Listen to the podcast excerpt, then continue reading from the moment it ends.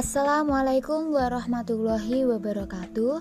Selamat bergabung dengan saya Laila Rofiatunisa Saya adalah audiopreneur dari Prodi Pendidikan Kewarganegaraan Fakultas Keguruan dan Ilmu Pendidikan Universitas Islam Balitar Blitar. Kali ini pendengar kami ajak untuk membahas perbandingan teori-teori psikologi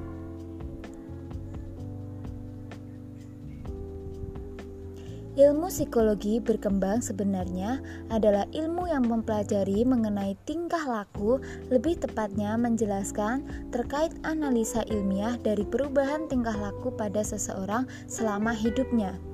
Awalnya, bidang ilmu ini hanya menggambarkan perubahan perilaku ketika masa anak-anak saja, namun kini meluas hingga mempelajari tentang efek tak langsung seorang dari masa anak-anak pada kehidupan saat ini. Tujuan utama dari psikologi perkembangan adalah untuk mengumpulkan informasi penting terkait perkembangan manusia dari sebuah pengamatan. Hal ini juga mencakup mengenai kemajuan dan perilaku manusia mulai dari lahir hingga meninggal.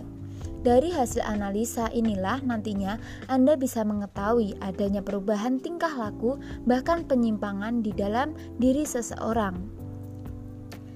Di dalam psikologi perkembangan, banyak faktor-faktor yang dapat mempengaruhi kepribadian, kecerdasan, moralitas, serta perilaku manusia dalam menghadapi sebuah kondisi.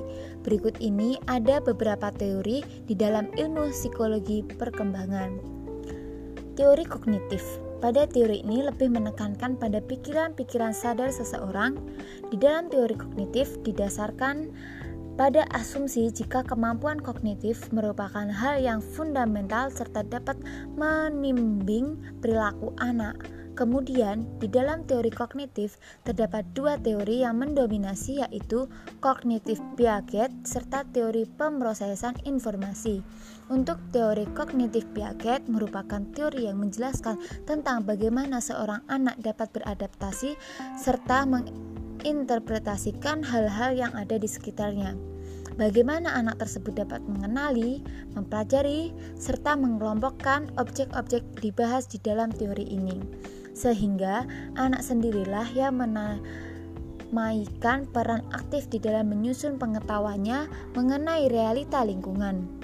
Sehingga perkembangan anak akan terus berkembang setelah melalui tahapan yang terus bertambah menjadi kompleks. Sedangkan dalam teori pemrosesan informasi, teori ini merupakan alternatif dari teori kognitif Piaget. Namun yang berbeda adalah prosesan informasi tidak dapat menggambarkan perkembangan yang ada di dalam tahapan-tahapan tertentu. Teori ini lebih menekankan pada pentingnya proses kognitif, misalnya saja memori, seleksi perhatian, persepsi, serta strategi kognitif. Teori ini lebih menjelaskan proses individu dalam proses segala informasi yang ada di dalam dunia mereka, serta bagaimana informasi tersebut dapat dimasukkan dalam perilaku. Di dalam teori behavior, perilaku lebih menekankan jika kognisi tidak penting ketika memahami perilaku. Menurut B.F. Skinner yang merupakan pakar behavioris ternama, perkembangan merupakan perilaku yang dapat diamati serta ditentukan oleh hadiah atau hukuman yang didapat pada lingkungan. Sedangkan dalam teori belajar sosial yang berkembang Albert Bandrua dan kawan-kawan Meskipun proses kognitif sangatlah penting, namun lingkungan menjadi faktor yang paling penting dalam mempengaruhi perilaku individu. Di dalam teori ini menjelaskan jika manusia memiliki kemampuan dalam mengendalikan tingkah laku sendiri.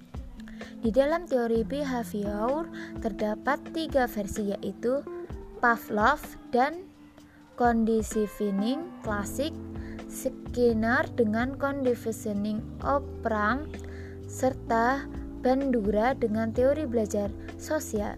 Nah, itu tadi beberapa teori-teori yang berkembang dalam teori psikologi. Tentunya setiap teori yang ada memiliki penjelasan masing-masing mengenai perkembangan dalam diri individu Semoga penjelasan saya di atas tadi bermanfaat bagi kita semua. Wassalamualaikum warahmatullahi wabarakatuh.